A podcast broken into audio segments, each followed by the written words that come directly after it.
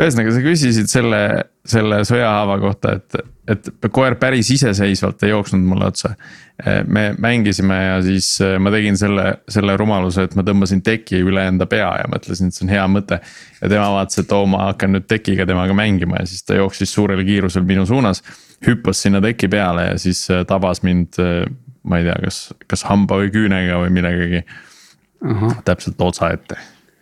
kassiga on ikka lihtsam. no vot no kassiküüned lähevad ka kergesti sellisest õhukesest tekist läbi, et mm, seda küll, tal on vähem massi. ja noh, rumalusi ikka ei maksa teha, on ju. jah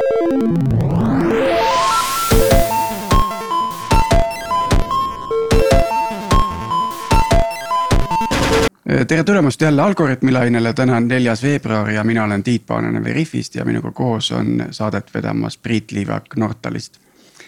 ja kaks tuhat kakskümmend üks on alanud väga toredasti, kuigi endiselt maadleme pandeemiaga, siis möirgavad kahekümnendad on alanud, et Priit, et mis sul tunne on, et kas me oleme selliste suurte muutuste lävel?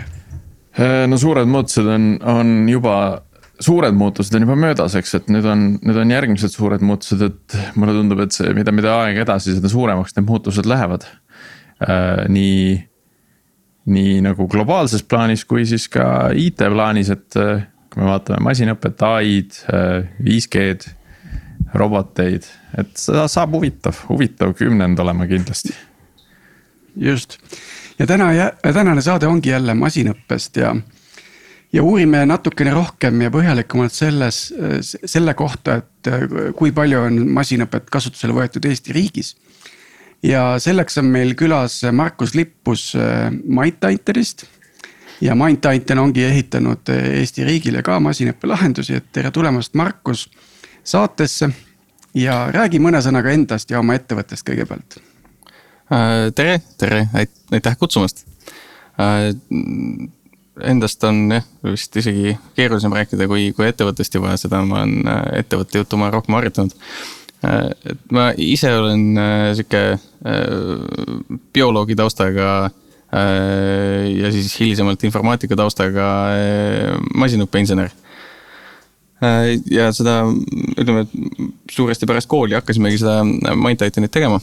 ja nüüd ma olen vist mingi circa circa kuus aastat tegelenud erinevate nurkade alt masinõppega. küll, küll nii täiesti teadusandmete pealt, kus, kus, kus uurisime äh, bakterite geeni sekveneerimise andmeid. kui sealt edasi terviseandmetele ja siis juba niuksed harilikumad on tulnud äh, retail'i äh, ja, ja igasuguseid, ma ei tea, soovitusmootoreid, pildianalüütikat ja nüüd on ka riigis igasuguseid põnevaid projekte tulnud just, just viimase, ma ütleks mingi pooleteist aasta jooksul on, on, on see nagu väga käima läinud. sa juba natuke mainisid ära need, need kasutusjuhud äh, masinõppele. et me kindlasti lähme sinna vaatame põhjalikumalt sisse, et äh, ma saan aru, et sa, sa alustasid tegelikult bioloogina, kellest on täna saanud siis masinõppeinsener Äh, jah, jah, et ma, mul tegelikult on üks kraad on, on bioloogias ja, ja siis tegin magistri informaatikas, masinõppe suunaga tegin juurde sinna. ja need, need on tegelikult ääri-veeri seotud, kuigi alguses võib tunduda, et ei ole mm. -hmm. no bioloogias on vist väga palju masinõppe rakenduskohti. Äh, no ma ütleksin, et tegelikult see on sihuke no kahetsusega asi, et bioloogia on hästi, hästi lai valdkond, et äh, kui, kui ma ütlen inimestele, et ma olen bioloog, siis nad paluvad mul tavaliselt linde ja loomasid mm -hmm. tuvastada. ja ma ei tea sellest mitte midagi. et ähm, aga selles valges bioloogias, nii-öelda laboribioloogias, selles on, selles on päris palju, aga seal ongi probleem ka selles, et äh, teadmisi on vähe, et äh, seal ei ole väga palju inimesi, kes osk-, inimesi, kes oskavad IT-d teha ja aga, aga jah, et noh, et kui sa tegeled geeni, geeniandmete uurimisega, siis äh, tekstialgoritmid ja, ja, ja pakkimisalgoritmid ja kõik taoline on seal ikkagi väga-väga sügavalt sees.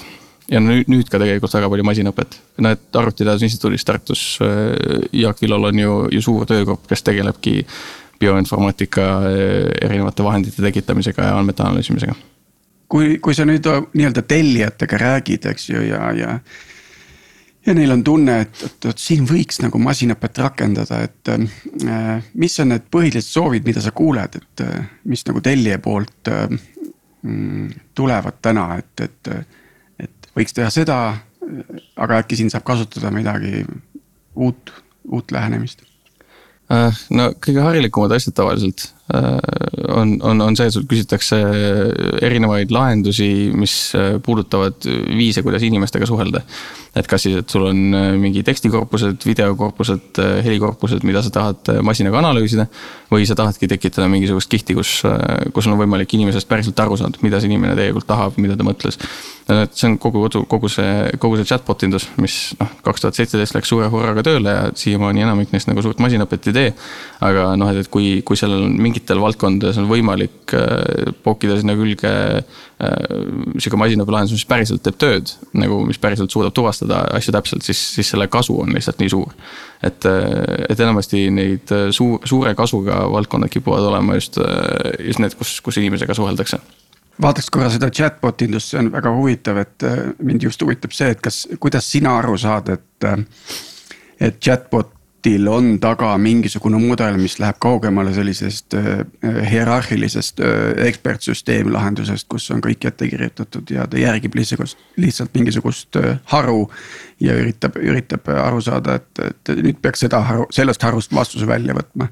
kas on mingisugune signaal või noh, ma ei ütle, et uuringutest, aga mingisugune selline, mis, kus sa saad aru, oo, siin on midagi huvitavamat kasutusel no põhimõtteliselt ma ütleks, et need, need, see harudega asi ei ole tegelikult äh, tingimata halb, et äh, noh, et, et, et sul on alati ka ise lahendades mingit probleemi, kui sa mõtled, et kuidas kellegi mingit X probleemi lahendada. siis äh, alustad ikka nagu oma peas ka mingi decision tree'ga, et mis on need asjad, mida kindlasti peab läbi proovima et kui sa seda encode'id mingisuguse äh, puuna, siis, siis nagu pane hullu, see on väga okei lahendus, aga pigem on küsimus selles, et kui kiiresti ta satub segadusse, kui sa üritad talle kirjeldada, mis sul üldse viga on. et äh, ütleme, et sa, ma ei tea, tahad tehnilist abi ja sul äh, Windows jooksis kokku, siis need sõnad, millega inimesed võivad seda kirjeldada, see on suhteliselt varieeruv. pluss nagu see, et kuidas nad räägivad, kui neil on kiire ja, ja ma ei tea, mis sõnavara nad kasutavad, mis süntaksid, kui palju nad siis sinna sõimu vahele topivad ja, ja sa saad nagu, et ja selge signaal on see, et kui sa proovid erinevaid viise ja ta satub mingite täiesti nagu suvaliste kohtade peal nagu, et sa ei suuda nagu selgitada, miks ta praegu segadusse sattus. siis äh, tõenäoliselt ta tegeleb mingisuguse keyword detection'iga lihtsalt ja tal ei olnud seda keyword'i sees mm. -hmm. et äh, see on nagu sihuke kõige äh, lihtsam variant, enamasti tihtipeale tegelikult töötab jumala okeilt, aga, aga lihtsalt sa näed, et ta nagu, ta ei ole väga robustne. no nende aga... chatbot'ide puhul mulle tundub, et see noh, jälle jään jänni eestikeelsete sõnade otsimisega, aga selline feature completeness on nagu olulisem kui, äh, kui sageli olulisem kui see suur tarkus seal sees, et kui seal on üks nüanss nagu tarkust sees. ja ta suudab ainult ühte kitsast muret ära lahendada. Äh, siis ta minu jaoks ei ole nii kasulik kui, kui juhtum, kus äh, ta võib-olla pakubki mulle nii-öelda valikuid et ütleb, et näed, sa pöördusid mulle, minu poole selle asjaga, et kas sa tahad, ma alustan äh, uut support case'i, eks. ja mul on kaks valikut, mul on jah ja ei lingid, eks ole, ma ei, ma ei pea midagi kirjutama sinna, ma lihtsalt klikin jah. ja siis ta ütleb, et noh, kuule nüüd ma küsin su käest täiendavat infot ja nüüd läheb edasi ja noh, et. et see, see tervikvoog on kaetud ja, ta suudab mind paljudes teemades äh, abistada, ehk siis see puu on hästi laiaks aetud äh,. aga noh, see on, see on suur ja iseenesest lihtne lahendus et siis ma tunnen, et see on võib-olla minu jaoks isegi kasulikum, et ma saan sellest bot'ist päriselt kasu. mitte, et ma lähen tema käest midagi küsima ja siis ta satub üsna kiiresti segadusse ja siis ma olen nagu, et aa okei okay,, andke mulle see päris inimene, et ma ikka ei saa siit ei tule mm -hmm. abi no siin on natukene ka selle, see sihuke disaini küsimus ja, ja, ja andmete kogumise küsimus. et äh, näiteks, kui me Elisas seda kõne, kõneasja hakkasime tegema, et sa helistad vaata ja siis võtab ka masin vastu siis seal me alustasime ikkagi masinaga, mis väga ei teinud mitte midagi. mis, aga ta suunas sind edasi äh, kellegi juurde, kes oskab su probleemi lahendada mm. -hmm. ja lihtsalt, et mida aeg edasi, seda rohkem meil on tekkinud äh, datat ja nüüd ta lihtsalt suunab. noh, nüüd ta, nüüd ta suunab sind väga paljudest teemadest, ta suunab sind õige inimese juurde. või siis küsib sult täiendavaid küsimusi, kui ta saab aru, et tal on mingi infotükk puudu, mida läheb alati mm -hmm. niikuinii vaja et aga ta on just nagu, ta on kasvanud vaikselt inimese jaoks suhteliselt nagu nähtamatult. et noh, et, et, et kui me, kui meil on nagu mitu teemat koos, eks ole, et sa ei oska täpselt suunata. ja siis suunad lihtsalt kellegi, kes on nii kogenud, et ta saab sinuga igal juhul hakkama ja edasi sa nagu suunad täpsemalt ja täpsemalt ja täpsemalt. kuidas noh, kui me võtame selle, selle konkreetse case'i, et kuidas sellise asja äh, arendamine käis, et, äh, et noh. alguses on mingid, mingid lähteandmed, mingisugused, äh, mingi info selle kohta, et kui on sellised äh, võtmesõnad, siis tuleb suunata just sellisele äh, isikule see, see tööülesanne äh, edasi, et aga kuidas sealt kas, kas see on nagu loogiline algus, et, et see esimesed andmed loodi nii-öelda käsitsi ja sealt peale hakati siis ehitama juba nii-öelda loomuliku arengu käigus neid uusi andmeid? Mm, see on, see on sihuke lähenemine, mida, mis, mis tundub meeletult loogiline ja mida me muidugi katsetasime ka nii äh, sellega, kui me hakkasime bot'e tegema esimesi, kui, kui siis, kui me hakkasime seda kõneasja tegema, noh, et okei okay,, selleks ajaks, kui me kõneasja tegema, oli selge juba, et nii ei saa. et põhiprobleem on see, et inimesed räägivad erinevates kohtades väga erinevalt, et äh, sa ei saa sa ei saa näiteks meili andmete pealt tõenäoliselt bot'i treenida ja sa ei saa äh, bot'i andmete pealt treenida seda kõneasja. sest mm -hmm. inimesed noh, erinevates meediumites räägivad hoopis erinevalt. pluss nagu see, et, transkriptsioon ei ole kunagi täiuslik ja sa saad sealt mingeid vigu ka ja siis küsimus, missugused vead, kus kohas, eks ole ja märksõnade tuvastamine on hästi, ähm, tal on kaks probleemi, üks on, üks on see, et, et ta ei ole väga robustne. ja teine on see, et kui inimesed saavad aru, et siin on märksõnade peale käib see asi, siis nad hakkavad süsteemi game ima. ja äh, sa tekitad sinna ka nagu siukseid nõmedaid harjumusi et, et see bot, mis meil, mida, mida me sinna arendasime, et ta, me tegelikult kogusime tükk aega andmeid niimoodi, et lasime inimestel lihtsalt kirjeldama probleemi paari lausega. inimene loeb midagi sisse ja me lihtsalt saadame su kellelegi, kes saab täiesti kindlasti su probleemiga hakkama. Nagu ükskõik, mis ta on mm -hmm. ja masin ei tee mitte midagi. tundub, et on nagu õige lahendus, eks ole, aga ja, ja, ja, aga, aga taustal nagu mingit nagu tarkust ja. ei ole. aga selles mõttes, et no kuna seda infot tekib nii kiiresti, siis tegelikult sa saad juba väga kiiresti treenida, teha sinna peale mingi mudeli, mis äh, hakkab vaikselt aru saama, mis, mis, mis värk tegelikult on mm. -hmm. ja selle boonus on just see, et ta on väga robustne. ja sa harjutad inimesi rääkima pikemalt, sest no põhiprobleem, mis äh, tegelikult valesti suunamistega tihtipeale on, on see, et, et võtab keegi vastu, küsitled, et kuule, et mis, mis see probleem on, kirjelda, kirjelda paari lausega ja inimene ütleb internet. mida ma teen sellega? see ei ole, see ei ole, see ei ole problem mhm. statement mm -hmm. nagu yeah.. ja, ja, ja see teeb nagu elu väga keeruliseks ja seda teevad just nagu siuksed äh, äh, nooremapoolsed mehed, kes arvavad, et nad saavad IT-ga suurepäraselt hakkama. ja siis nad eeldavadki, et on nihuke märksõnade peale süsteem. Ja sa ei tohi süvendada seda, et nad arvavad, et see on märksõnade süsteem. siis nagu sa tahad hiljem neid suunata täpsemalt, et sa tahad näiteks, ma ei tea ütleme, et sa kirjeldad mulle, et mul on, äh, ma ei tea, siin internet absoluutselt ei tööta, siis äh, ma tahan saada aru, kuidas ta sul ei tööta ja kas sul ei tööta tegelikult televisioon või internet või hoopis mingi komponent sellest. ja siis ma võib-olla saan sulle hoopis öelda, et kuule, et seal on teada rike, et äh, ära üldse nagu, ära muretse, et me juba tegeleme, et me teame, et see on rike. aga selleks mul on vaja, et sa ütleksid rohkem kui internet. kas, kas see on nüüd näide et, sellest, kuidas inimesed hakkavad game ima seda süsteemi, et, et nad üritavad ära arvata neid õigeid keyword'e et siis endale maksimaalselt Äh, kiiresti ja head abi saada. Äh, jah, jah, see on noh, see nat-, nagu natuke nagu alternatiiv sellele, kui keegi hakkab ütlema operaator sul bot'is. sest ta loodab, et niimoodi saab agendi juurde. mina olen tähele pannud, et seda ei ole. mina olen, olen tähele pannud, et, et minu Google'i otsingud on äh, tohutult muutunud aastatega. et, et enam ei ole seal otsingus nagu seda viisakat lauset noh, võtame, ma ei tea, et millist, millist kaamerat ma endale ostma peaksin. ei, sa kirjutad äh, top -hmm. camera, kõik ja siis -hmm. võib-olla vahele kirjutad mingi aastaarvuga sinna taha, aga noh, lähebki nagu selliseks hästi brief'iks ära, et ma juba peas üsna automaatselt mõtlen välja, millised on need äh, minu küsimuse võtmesõnad, mis mind huvitavad mm. -hmm. ja, ja siis nagu selle pealt vormistan selle otsing, otsinglause ka et ma arvan, et see on ka fundamentaalselt erinev süsteem selle poolest, et äh, Google'i tegeleda kindlasti teksti klassifitseerimisega. et äh, seal oleks lihtsalt neid klasse mingisugune miljardeid ja miljardeid, et see ei ole, see ei ole, ma arvan, et neil on mingi täiesti teine lahendus, kus see märksõnastamine võib olla hea point vaatame korra, enne kui riigi asjade juurde lähme, äh, korra seda ka, et, et mis on selle masinõppe stack'i enda arengud, et, et kui ma mõtlen selle peale, siis seal on seal on need dataset'id ja treening set'id ja annoteerimine on suur lõik, siis on see mudeli treenimine ja ka mudeli toodangusse panek ja, ja selle nagu toetamine. ja jälgimine, et, et äkki sa nagu oma kogemust jagad, et kuidas, kuidas see stack on arenenud? Äh, see stack on arenenud äh, nii kaua, kui mina olen seal valdkonnas olnud ja areneb siiamaani, on lapse kingades et eh, mis on positiivne, on see, et sul on väga palju kasulikke tööriistu. aga kõik tööriistad tulevad suhteliselt eh, tugevate oma piirangutega, sobivad mõnes kohas, teises kohas ei sobi.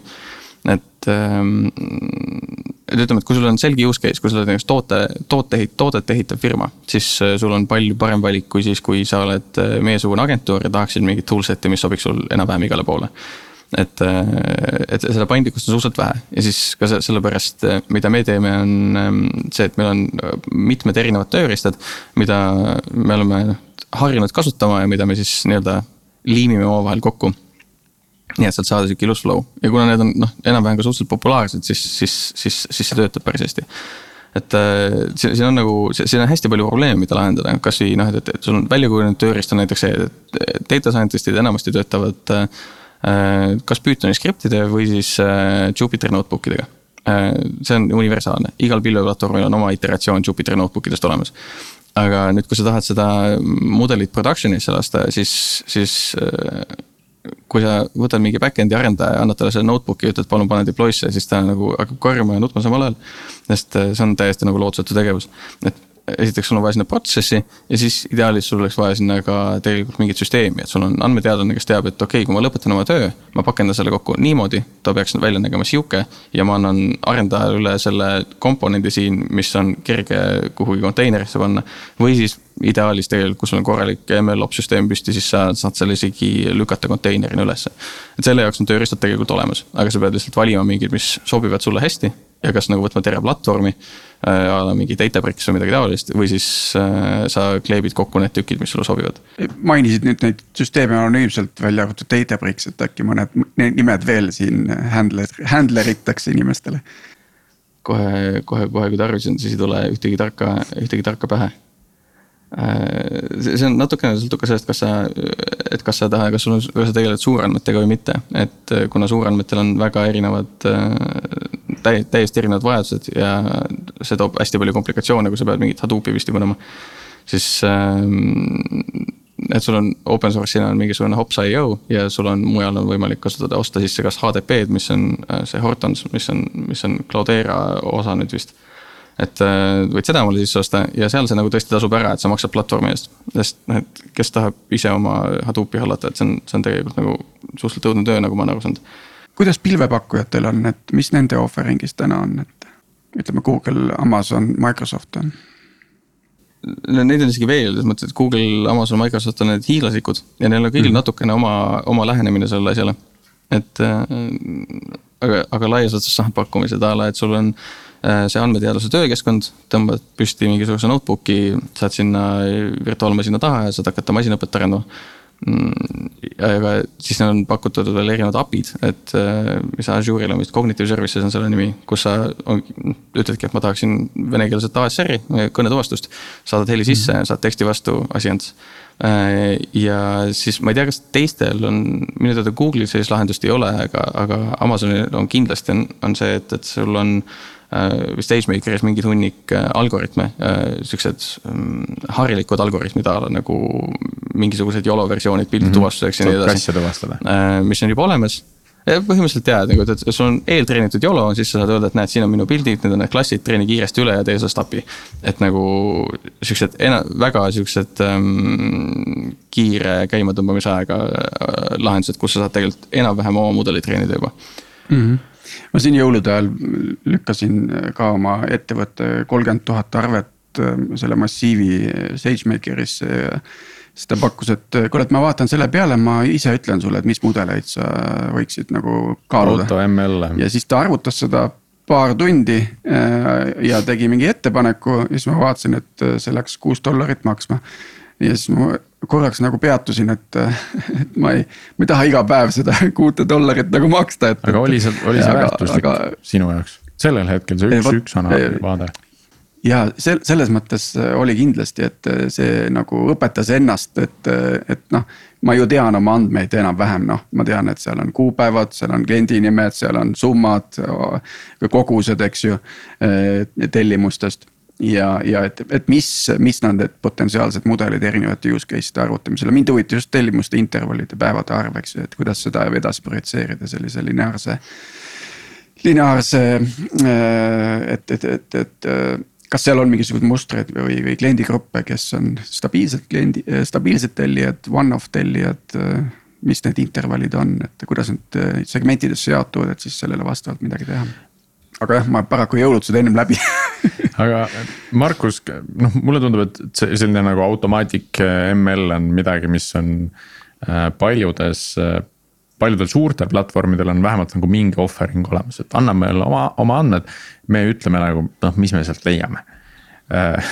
Kas, kas see on nagu minu mingi kitsas nägemus, et, et ma olen nagu paaril platvormil midagi analoogset näinud või, või see on mingisugune trend, et kuhu see maailm hakkab liikuma, et tuua see, see masinõpe, ütleme andmeanalüüs, see on baastasemel andmeanalüüs nagu laiematesse massidesse ma arvan, et ta kindlasti, see on, see on trend ja ma arvan, et nagu jõudumööda nagu neid lahendusi välja mõeldakse, seda, seda tekib aina rohkem. sest tegelikult see on nagu, see on, see on kohati see on võimalik ja see on väga atraktiivne pakkumine. Äh, et ma arvan, et aga see töötab mm, mitte päris sel tasandil, et pane andmed sisse ja, ja ma annan sulle välja midagi head. sest noh, et kui sa, kui sa mõtled selle lähenemise peale, siis ähm, need erinevad viisid, kuidas ma saan hekseldada suurt andmestikku, neid viise on nii palju Äh, et see on sihuke puhtalt kombinatoorne probleem juba, et ma lihtsalt ei jõua läbi arvutada kõiki erinevaid viise, kuidas mhm. andmeid hekseldada. tavaline lähenemine on, et need... ma natuke aega arvutan ja siis vaatame, mis ma selle ajaga leidsin. ma proovin mingeid kombinatsioone kuskilt see, see on pigem nagu sa pead talle ikkagi andma andmestikku ja mida sa sealt nagu saada tahad, a la, et ma annan pildid ja ütlen, et äh, siuksed on märgindid või siuksed on objektid või siis ma annan talle teksti ja ütlen, et, et need on siin või noh, need on siin petturid ja need ei ole. et ta ja siis ta proovib läbi erinevaid algoritme, erinevaid eeltöötlusviise mm, -hmm. erinevaid äh, mudeliarhitektuure. see on nagu, see on ka väga suur probleem, äh, selles mõttes, et selle lahendamine võtab ka väga kaua aega. aga see on manageable mm. -hmm.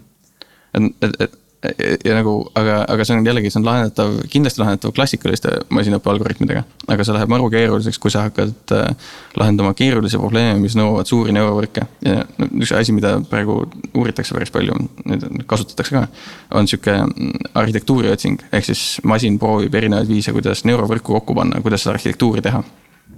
ja katsetab neid variante läbi aga kui sa mõtled, et selleks, et aru saada, kas arhitektuur oli hea, ma pean treenima teda päris pikalt, iga võrk on päris suur. ja siis ongi, et ma tahan kokkuvõttes sa tahad jooksutada kuuekümne neljal GPU-l kuu aega seda asja, eks ole, kui sa mõtled, et üks Tesla maksab kaks koma kaheksa dollarit tunnis, siis noh, see on väga kiiresti väga-väga kallis. ja võib-olla ei tule midagi, et, et praegu lihtsalt see ei ole väga cost effective suurte probleemide mm -hmm. puhul. teine asi, mida ma sinu käest uurida tahtsin, et sa, sa mainisid seda, et Äh, paljudel suurtel platvormidel on täna juba Jupiteri liides olemas ja see Jupiteri notebook'ide kasutamine on muutunud kuidagi nii tavaliseks, et äh, võib-olla räägiks natukene sellest protsessist, et äh, noh, sa, sa põgusalt seda juba mainisid. ühelt poolt meil on andmed Jupiteri notebook'is saavad siis, saab siis nii-öelda nende andmete peale erinevaid katsetusi teha, ma saan aru et sa kirjutad sinna, noh, sisuliselt see on justkui pikk dokument, kuhu sa saad vahele kirjutada valemeid ja, ja teha päringuid nende andmete suunal. Äh, ja, ja käivitada mingisuguseid funktsioone, olen ma asjast õigesti aru saanud?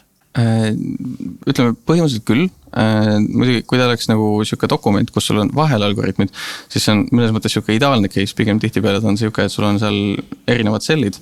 noh, ta on sihuke interaktiivne ja. ide ja, ja kui sul tihtipeale on pigem niimoodi, et sul on seal erinevad sellid, kus on koodi, aga keegi pole juttu kirjutanud ja siis selle ülevõtmine on täiesti nagu arusaamatu yeah., et see on pigem nagu sinu iteratiivne Sest, playground on, on see, mida. alguses teeb. ma sain aru, et selle üks, üks eesmärk oligi pakkuda andmeteadlastele nagu platvormi, kus sa saad teha seda andmeteadust nii-öelda seal sisse ehitatud embedded viisil ja samal ajal kirjutada enda analüüsi sinna kõrvale, et sa saad seda dokumentatsiooni osa ka sinnasamma vahele kirjutada et, et need asjad oleksid koos ja seda oleks hõlbus kirjutada ja samal ajal, kui sa seda loed, sa saad seal ka midagi muuta ja mingeid uusi katsetusi teha sinna peale, eks ole. Mm -hmm. aga kuidas nüüd see protsess nagu are-, arenduse mõttes nagu edasi läheb, et. et kuidas nüüd sellest saab mida siis tehakse selleks, et sellest, seda paigaldada kuskile, kuskile üles, eks. et sa mainisid neid lihtsaid lahendusi, et seda on võimalik justkui pakendada kohe mingisugusesse konteinerisse ja paigaldada kuskile. aga mis need võib-olla teised veidi aeglasemad lahendused on, et, et kas siis keegi nagu päriselt üks-ühele tõlgib selle algoritmi seal mingi, mingisse teise skriptimiskeelde või, või on seal mingeid poolautomaatseid lahendusi, mis võimaldavad neid Jupiteri notebook'e importida ja konverteerida mudeliteks automaatselt? seal on enamasti see nagu notebook'i tasandil isegi, no sa ei taha kõike seda kaasa võtta, mis on notebook'is on, et seal on igasugu, igasugu kraami, mida tegelikult sul deploy suhtes vaja ei lähe aga enamasti on, sa, sa, sa ekspordid sealt selle mudeli, mis sa lõpuks valmis treenisid. kui see on mingisugune TensorFlow või PyTorchi asi, siis neil on liideseid erinevates keeltes, sa saad selle sisse süüa, kust iganes sa tahad. Äh, mõne teise variandiga sul on, sul on nagu mitu varianti, kõige lihtsam on see, kui sa tekitad omale lihtsalt äh, sellest masinõppeteenusest, tekitad microservice'i ja kasutadki seda Pythonis selles mõttes, et kui seal sa ei tegele enamasti ka sellega, et Python on aeglane keel, sest kui sa kutsud välja masinõppe algoritme, siis Python on API ja tegelikult nad on kirjutatud all mingis C või Fortranis. et äh, see ei ole nagu nii suur takistus. Aga sul põhimõtteliselt on võimalik ka, sul on sihuke XML-i formaat. Äh, ma nüüd selle täpse lühendi olen ära unustanud. Äh, kus sa saad tõlkida oma mudelid sihukesesse language agnostic XML-i ja importida neid tegelikult ka teises keeles, kui see teise keele framework seda, seda toetab. Äh, ma ei tea kedagi, kes seda teeks, ma tean lihtsalt, et see on olemas, sellepärast ma olen pidanud selle probleemiga kunagi selle lahendusi otsima.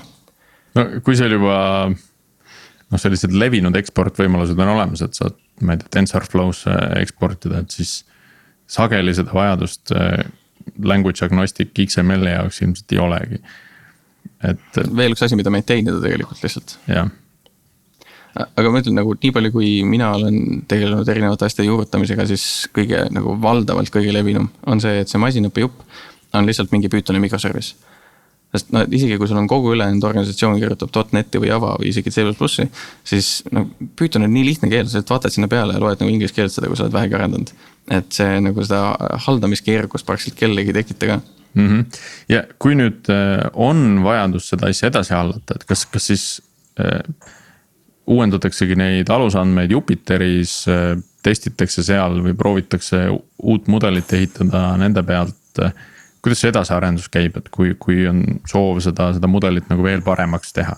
mitte lihtsalt andmeid lisades, eks ole, mitte nagu. aga, aga mudelit edasi arendada, et siis see protsess käib samamoodi, et võetakse seesama Jupiteri notebook lahti. tehakse seal parendused, uus eksport, import sinna teise süsteemi ja, ja üles, eks sisuliselt see on nii jah, et see andmete, andmete uurimine ja nende nii-öelda feature engineering. see töötab kõik selles notebook'is ja ongi, tulevad uued andmed, töötad uuesti selle läbi, mõtled midagi uut välja ja siis ekspordid. kui palju seal sellist automatiseerimist sees on, et äh,. noh, et ma saangi Jupiteris vajutada publish nuppu ja see läheb kuskile staging keskkonda ülesse ja, ja siis keegi saab seal veel läbi testida selle ja, siis nii-öelda tavapärase pipeline'iga seda. Seda kuskile toodangusse venitada lõpuks Äh, seda tegelikult, äh, seda saab teha ja tehakse üsna aktiivselt, et sul on, äh, sul on võimalik notebook'e parametriseerida ja kutsuda välja terminalit niimoodi, et sa annad mingid parameetrid sisse ja kutsud selle notebook'i, ta tekitab sulle output'ina mingisuguse HTML faili. kus on nagu, ma ei tea, kui sa tahad raportit, siis seal on joonised ja kõik need asjad, mida sulle mudelist arusaamiseks tegelikult vaja on. ja, ja selliseid asju tehakse küll. Aga et kui palju sa nagu, kas sa nüüd seda, et neid saadetakse staging usse ja, ja, nagu notebook'i endid, seda juhtub pigem nagu harva. et pigem sul toimub nagu data scientist'i enda töö raames toimub see testimine. edasi läheb juba pakitud mudel koos mingisuguse koodiga. ma mõtlengi, et kas, kas, kas nagu seda otsa ka automatiseeritakse või, või äh, seal siis see liigutamine on selline manuaalne tegevus, et data scientist ühel hetkel otsustab, et nüüd on. Nüüd on valmis, ma võtan siit selle mudeli välja ja, ja lahen kuskile üles ma eeldan mm., et seda on ka API-de kaudu üsna hõlbus äh, automatiseerida äh, ja, ja selles mõttes, et seda tehakse, ähm, ütleme, et see, see, läheb natuke kokku selle teemaga, kus sul on äh, eksperimendi trekkimine. ehk siis ähm, sa tahad tegelikult ka arvet pidada selle üle äh,. mis eksperimendid mul jooksevad, mida ma katsetanud olen, ma ei tea, mis algoritme või arhitektuure ma katsetanud olen äh, ja, ja tegelikult, kui sa juba tead nagu, et kui hea mingi mudel oli, siis nagu kõik projekti osapooled saavad selle silma peal hoida. Äh, ja noh, kui sa, mida, mida ma olen päris palju kasutanud, on äh, MLflow selle track imiseks ja MLflow võimaldab sul ka nii-öelda registreerida näiteks, et, et registreerida mudeli versiooni, et äh, see mudel, see eksperiment, äh, see on nüüd versioon null punkt üks. Äh, natukene lähen edasi, panen, see on null punkt viis, markeerin, et selle mudeli versioon, see on sihuke staging'u variant või et see on production'i variant. ja sealt on juba võimalik API kaudu need mudeli artefaktid alla tõmmata. a la, et mudel ise, siis mingid eeltöötlemise artefaktid, mingit sihukest kraami mm. -hmm. see kõlab nagu, nagu Artifactory masinõppe jaoks, et noh, sihuke nagu repository, kus on andmed. või siis need äh, artifaktid siis on, on ka versioneeritud, sa saad nad sealt kätte, nad on hoiustatud seal üsna kindlalt.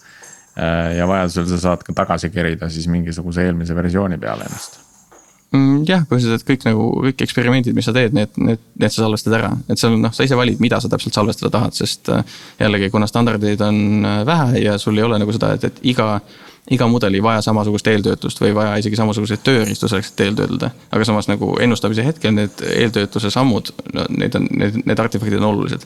siis noh, et sa valid ise, mis sa üles laed, ehk siis sa pead natuke tubli olema, et sa, et sa kõik oma komponendid ikka õigesti üles saad laetud.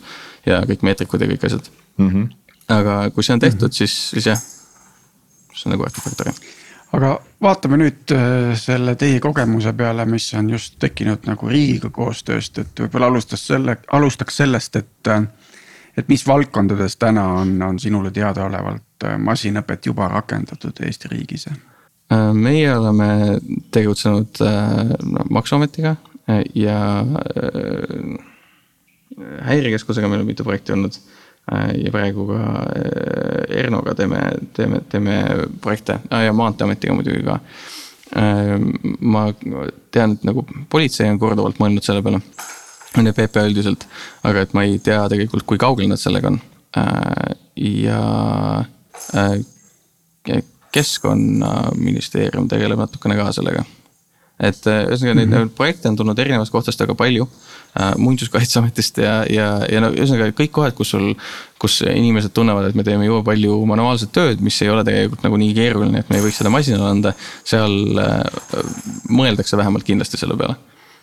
ja, ja kui sa vaatad nüüd neid, neid tellijaid, et mis on see ülesande püstitus ja, ja võib-olla ka see, et, et kas see on nagu ajas muutunud või, või ähm,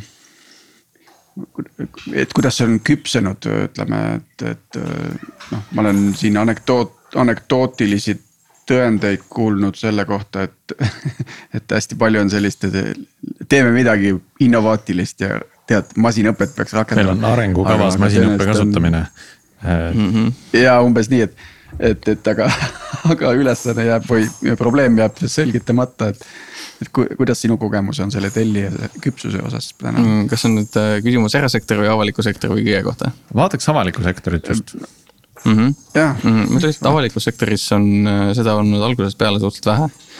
Et äh, seal on Ott Velsberg teinud palju tänuväärset tööd, et ta korraldas neid deep dive'e, kus alguses, kus ühest küljest mm, ärgitas, ärgitas siis neid asutuse inimesi mõtlema välja, et mis probleemid sul tegelikult on ja kas neid -hmm. mida võiks saada automatiseerida. ja siis istuti maha erinevate probleemidega, hunnik eksperte on äh, erinevate laudade ääres ja siis mõeldakse paar tundi, et mis see lahendus võiks olla, kas see on üldse tehtav, mida vaja on. et nagu pannaksegi sihuke probleemi püstitus paika tegelikult et siis enamasti ongi olnud see, et selleks ajaks, kui nagu päriselt hankesse jõutakse, siis on väga selge on see, mis probleem on, väga selge on see, mida automatiseerida tahetakse. natukene lahtisem on see, et äh, kus me neid andmeid saame ja siis on see ka, et kuidas me sellega nüüd liidestume või et kuidas seda nagu juurutada mm. -hmm. sest äh, no see on alati sihuke keeruline küsimus, et sul on äh, IT-inimesed, kellel on harjunud protsessid ja siis sa tuled sinna oma Pythoni API ja konteineritega, siis nad tegelikult ei ole väga rõõmsad mm. -hmm. Et... avalikus sektoris vist äh, noh, aastate eest oli see nii-öelda paberivabaduse saavutamine oli suur prioriteet. ehk siis väga palju andmeid on, on endiselt tõenäoliselt paberdokumentides. sealt, sealt edasi liiguti mudelini, kus, kus hästi palju suhtlust tegelikult taandus emaili. Äh, vähemalt see, on nii-öelda see, see minu kogemus, et nüüd viimastel aastatel hakatakse tegelema sellega, et kogu see suhtlus saada ka kuskile infosüsteemidesse struktureeritud kujule sisse. niimoodi, et noh kui, kui see pöördumine toimub, et siis see seotakse ära ka selle isikuga. seotakse ära kuidagi taustal võib-olla mingisuguse menetluse või dokumendiga. et noh, see andmete seo-, sidusus äh, on muutunud ja muutumas äh, oluliselt paremaks. et, et et riik ehitab omale CRM-i või? no mitte seda, aga äh, ikka on nagu mugav, kui, kui ametnik saab äh, sealtsamast portaalist, eks ole, alustada vestlust või vastata vestlusele või näha, et äh,. et noh, see, see info liigub sinna sisse, sõltumata sellest, kust kaudu isik seda vestlust alustas, et võib-olla ta saatis emaili, mis automaatselt mingisuguse roboti toel suunati õige, õige ametnikuni või seoti õige õige menetluse või juhtumiga või mis iganes seal kasutatakse. ja, ja siis see on kõik seal nii-öelda ühes kohas äh, kergesti nähtav, et neid andmeid ei pea nagu otsima mitmest kohast kokku. et ma kujutan ette, see aitab selliste masinõppe lahenduste arendamisele oluliselt kaasa ma ütleks, et, et, et nii ja naa tegelikult.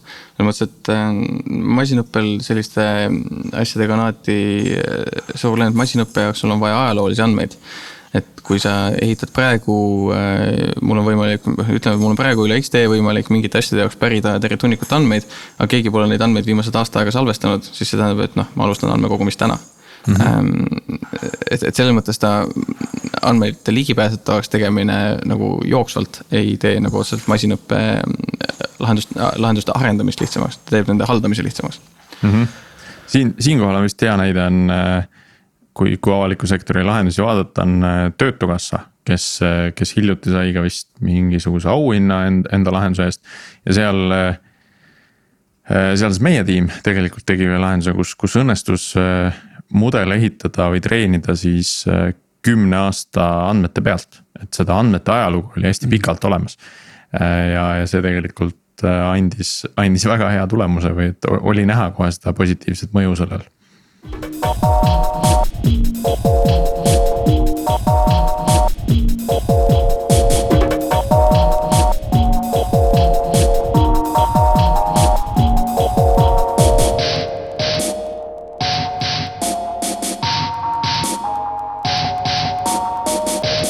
vaatakski natukene sis, sisse sinna, ütleme tavainimese jaoks tuttavatesse use case idest, ma saan aru, et Markus, et tegelikult sa nagu võib-olla päris kõigest ei saa rääkida, mida te olete ehitanud. aga kui ma mõtlen nii, et mul on mingisugune kasutusjuht ja, ja, ja, ja siis sina tead, et, et seal taga tegelikult on rakendatud masinõpet ja võib-olla sa saad öelda ka, kuidas seda siis rakendati no et kas maksuamet otsib masinõppega pettureid taga? põhimõtteliselt küll, jah. Kas, kas sellist asja tänaste, tänaste andmete pealt oli, oli lihtne ehitada või, või see vajas ikkagi nagu eelnevat nii-öelda andmete ja taustsüsteemide struktureerimist ja organiseerimist ja mingit muud ringi ehitamist mm.? ma ütleks, et äh, struktureerimisega on neil seal asutuses väga hästi, et äh, palju paremini kui enamikes kohtades, kus ma olen masinõpet pidanud tegema eks nagu, et inimesed teavad, kus on mis andmed, mida mingid andmed tähendavad. et põhiprobleem on see, et sa lähed mingisse ettevõttesse, neil on mingid tabelid, mida keegi ei tea, kunas tehti, aga mm -hmm. kriitilised süsteemid elavad nende tabelite pealt. ja kui need on ajaloolised tabelid, siis need on sageli naljakalt nimetatud ka veel äh, mm -hmm. lühikeste akronüümidega, et hoida tähemärke kokku. ja, et, et seda jama oli vähem, aga pigem on, on just see, et on Äh, see, see, see sihukeste asjade puhul sa tihtipeale tegelikult sa üritad, äh, esi, esimene samm on see, et sa üritad emuleerida seda, mida inimene teeb. ehk sa mõtled, et mis on need infoallikad, mida inimene kasutab, mis on äh, kriitilised selle ülesande täitmiseks. no siin on, see on sinu kõige parem vihje selleks, et kuhu üldse vaadata andmete suhtes ja suur osa neist on maja sees, aga osa neist on majast väljas. kohe, kui sa pead hankima midagi, mis on majast väljas, siis sul tekib andmekogumise probleem. ehk siis äh, ma ei tea, päris palju erinevates kohtades on olnud projekte siukseid, mis vajavad näiteks Facebooki andmeid. ja nüüd sul on Facebooki scrape imise probleem, mis on juba väga suur probleem, eriti kui sa oled riik ja sa ei saa salaja scrape ida. et ähm, et, et selles mõttes nagu ma ütleksin, et, et andmete struktureerimisega seal nagu väga suurt probleemi ei olnud. aga, aga erinevate andmeallikate kokku, kokkusaamisega, see on juba suurem probleem. pluss muidugi see, et, et kui sa tegutsed riigiga, eriti kui sa tegutsed kohtades, kus on delikaatsed isikuandmed. mida ja noh, antud juhul ka maksusaladus, siis igasugune andmete liigutamine on protsess äh, igasugune ligipääsude andmine on protsess äh,. et, et see kõik tähendab, et elu on natukene keerulisem. kuidas sellist, äh, sellist maailma lihtsamaks saaks teha, kas on, kas sa üldse näed nagu mingit võimalust, kuidas, kuidas neid protsesse nagu hõlpsamaks teha, noh näiteks äh, võtame näite siin, kui oleks väga head äh, testandmete komplektid.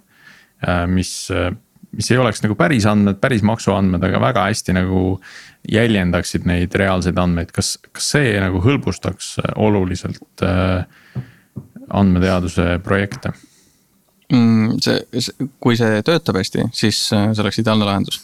aga selle eeldus on see, et me suudame luua sünteetilisi andmeid, mis äh, on piisavalt sarnased originaalile või annavad sarnaseid tulemusi nagu originaal. aga mm, -hmm. aga mhm. kuna see on ka sihuke case by case, siis äh, kõigepealt sul tuleb teha projekt, kus sa lood sünteetilisi andmeid ja siis sa võid hakata masinõppeprojekte tegema sest noh, sellistes kohtades andmete anonüümiseerimine ei pruugi olla see lahendus või piisav, piisav lahendus siis, kuna. see ei ole võimalik tihti. jah, et sealt nii-öelda järel, no isegi kui need andmed on anonüümiseeritud, siis sealt võib ikkagi nagu midagi välja lugeda, eks ole. mingite seoste kaudu ja see, see muudab selle äh,, muudab selle veel, keerukamaks või võimatuks, on ju tihti on see, et sa ei tea ka, mis andmeallikat mm -hmm. saab kasutada see teine pool, kes leidis sinu anonüümiseeritud tükid et äh, võimalik on, et muidu ei saa keegi mitte midagi aru, aga kui sa selle paned kokku, näiteks ma ei tea, ütleme, et mingi tüüp LHV-st, kellel on juhuslikult kellegi maksuajalugu. siis kohe saab aru, kellega siin tegu on ja selle kaudu dešifreerib veel väga paljusid erinevaid ettevõtteid mm. -hmm. sa ei näe ette seda. ja, kuidas, kas on mingisugused sellised kasutusjuhud, kus sa näed, et Eesti kindlasti võiks rakendada masinõpet, aga ei ole rakendanud mingil põhjusel? Mm, ma arvan, et näiteks väga palju on nüüd väga seotud sellega, et. et ma just hommikul tulin äh, riigikontrollis kohtumiselt, aga see on äh,. ühesõnaga igasugused järelevalve asjad, järelevalveasutused, kus on tegelikult äh,, ühesõnaga mul on tunne, et me ei tee väga palju järelevalvet kohtades, kus me peaksime, sellepärast et meil ei ole inimesi ja neil ei ole aega natukene seotud ka selle maksuameti asjaga. aga, aga sama tegelikult ka noh, kui sa mõtled äh, andmekaitse inspektsiooni Eestis ja seal vist, kui ma ei eksi, seal on kuusteist inimest, kes, kes kogu seda Eesti asja haldavad. et äh, see ei, see ei ole tegelikult jätkusuutlik, see tegelikult tähendab seda, et meil äh, väga palju asju jääb tegemata lihtsalt sellepärast, et inimesed ei jõua ja, ja isegi nagu tegeleda sellega, mida raporteeritakse Äh, ma arvan, et äh, väga palju sihukest, äh, ütleme, sul on väga palju sihukest andmete lihtsalt läbitöötlemist, umbes, kus sa vaatad läbi erinevaid videoid, pilte, analüüsid teksti ja vaatad, kas siin tegeletakse võib-olla mingisuguse, mille, millegagi, mis, mis, mis, mis ei, mis ei ole sobiv mitte nagu otseselt mm -hmm. politsei tasandil, aga, aga just äh, sihukese äh,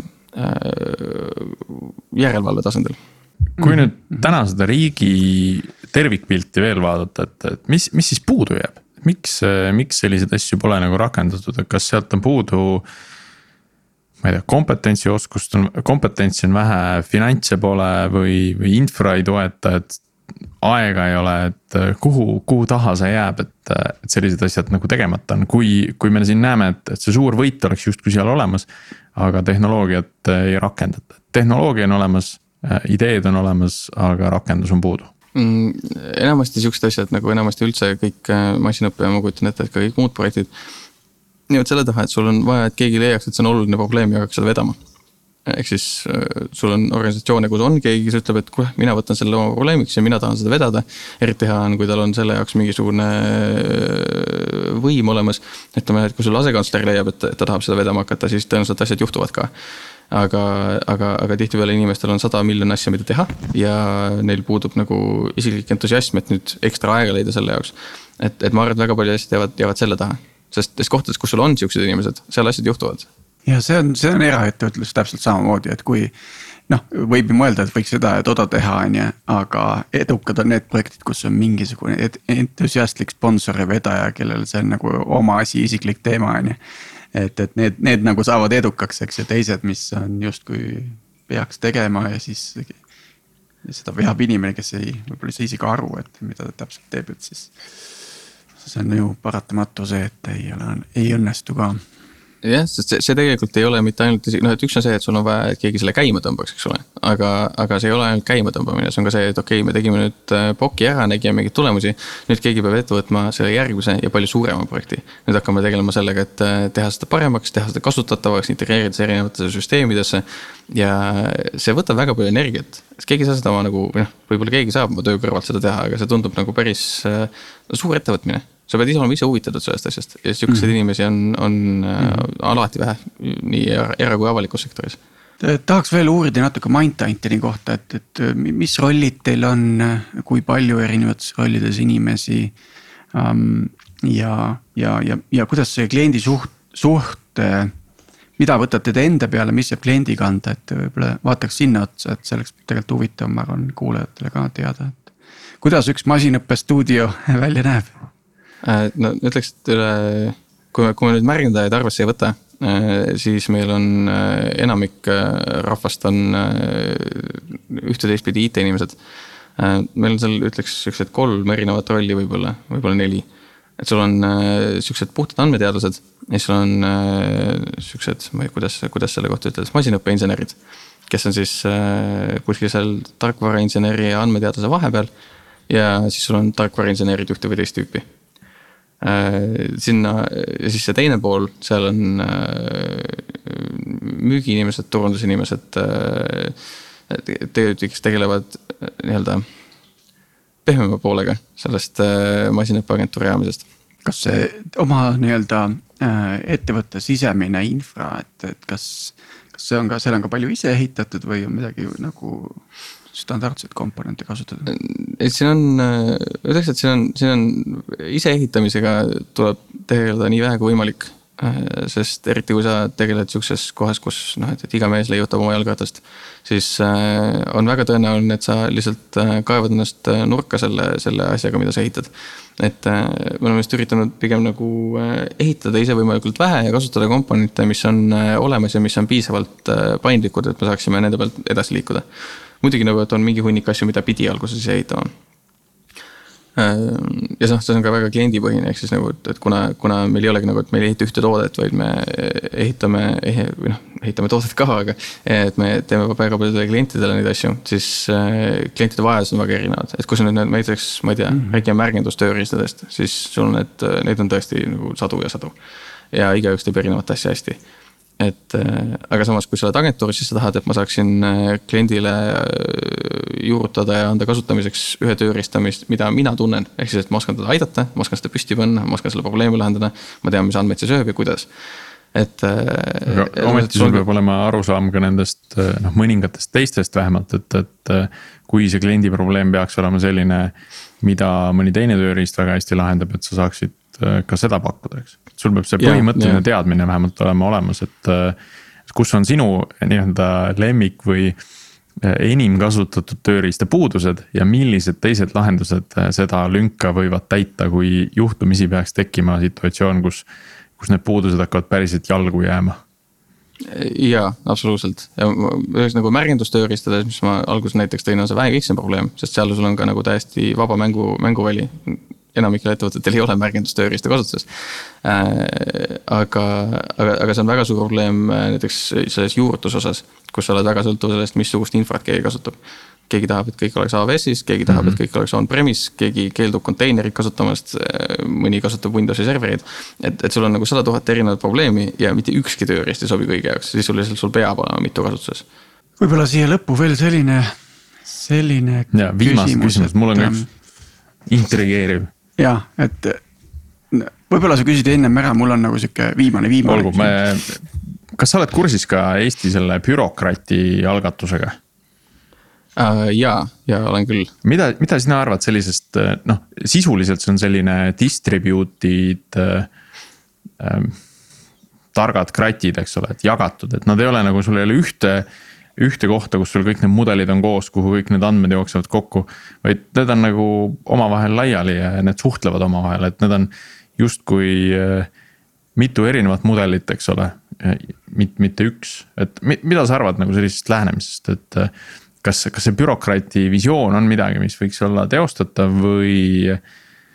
noh, ilm, ilmselgelt me ei jõua sinna kiiresti, aga kas see on nagu parim viis, kuidas asjaga edasi minna ma arvan, et see, see kindlasti ei ole halb viis, et äh, see, et sul on palju mudeleid, mida hallata, see on paratamatu, kui sa ehitad isegi ühte bot'i, mis on, mis on nii-öelda machine learning enabled.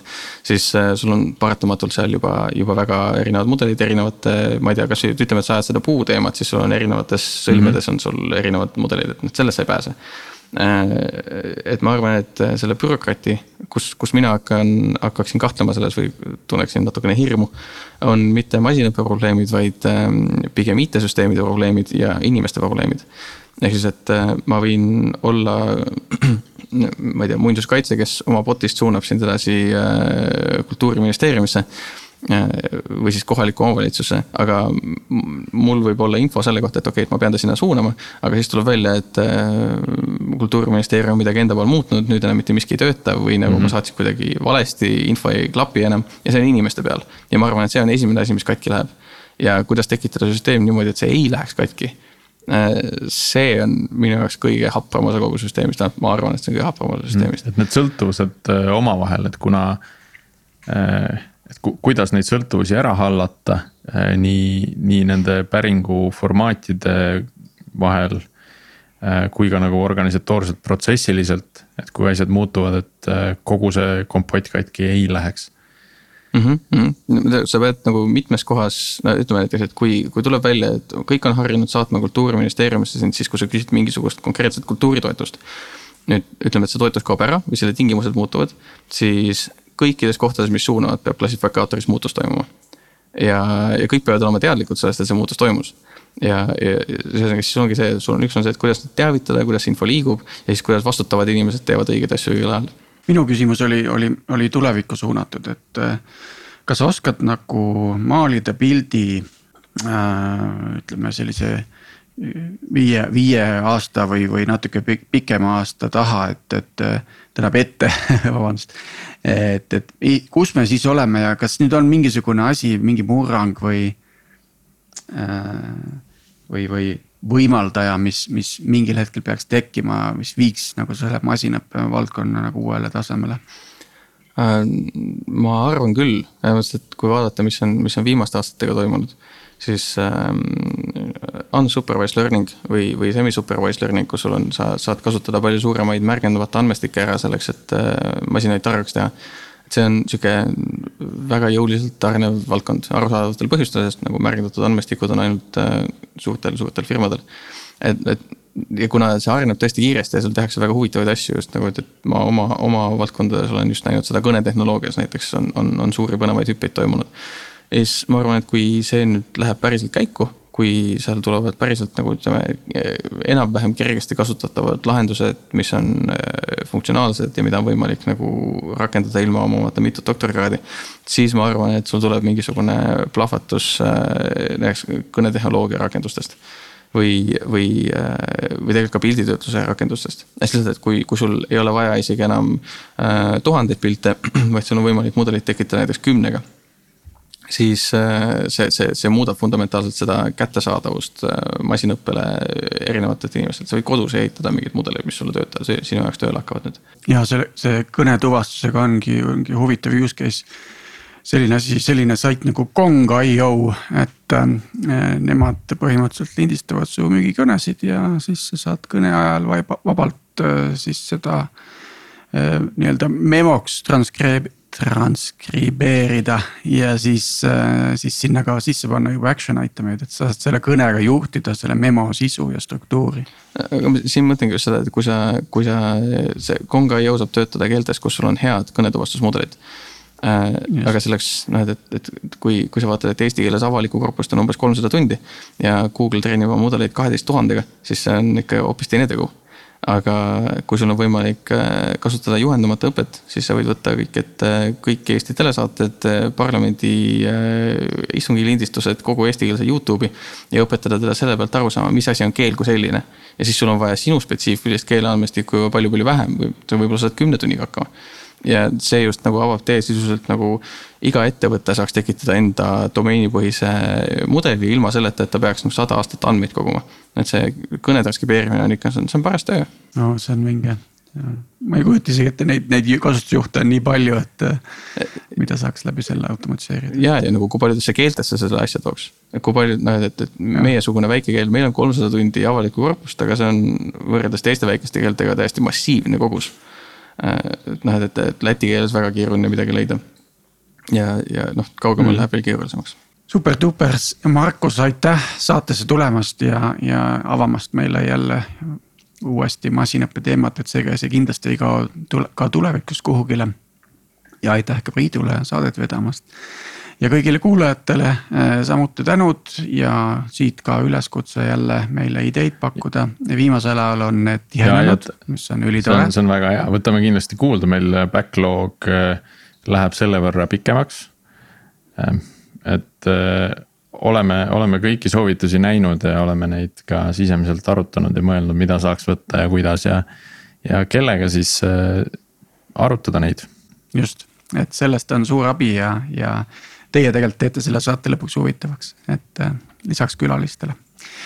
aga aitäh ja kuulmiseni juba järgmisel nädalal. Kuulmiseni.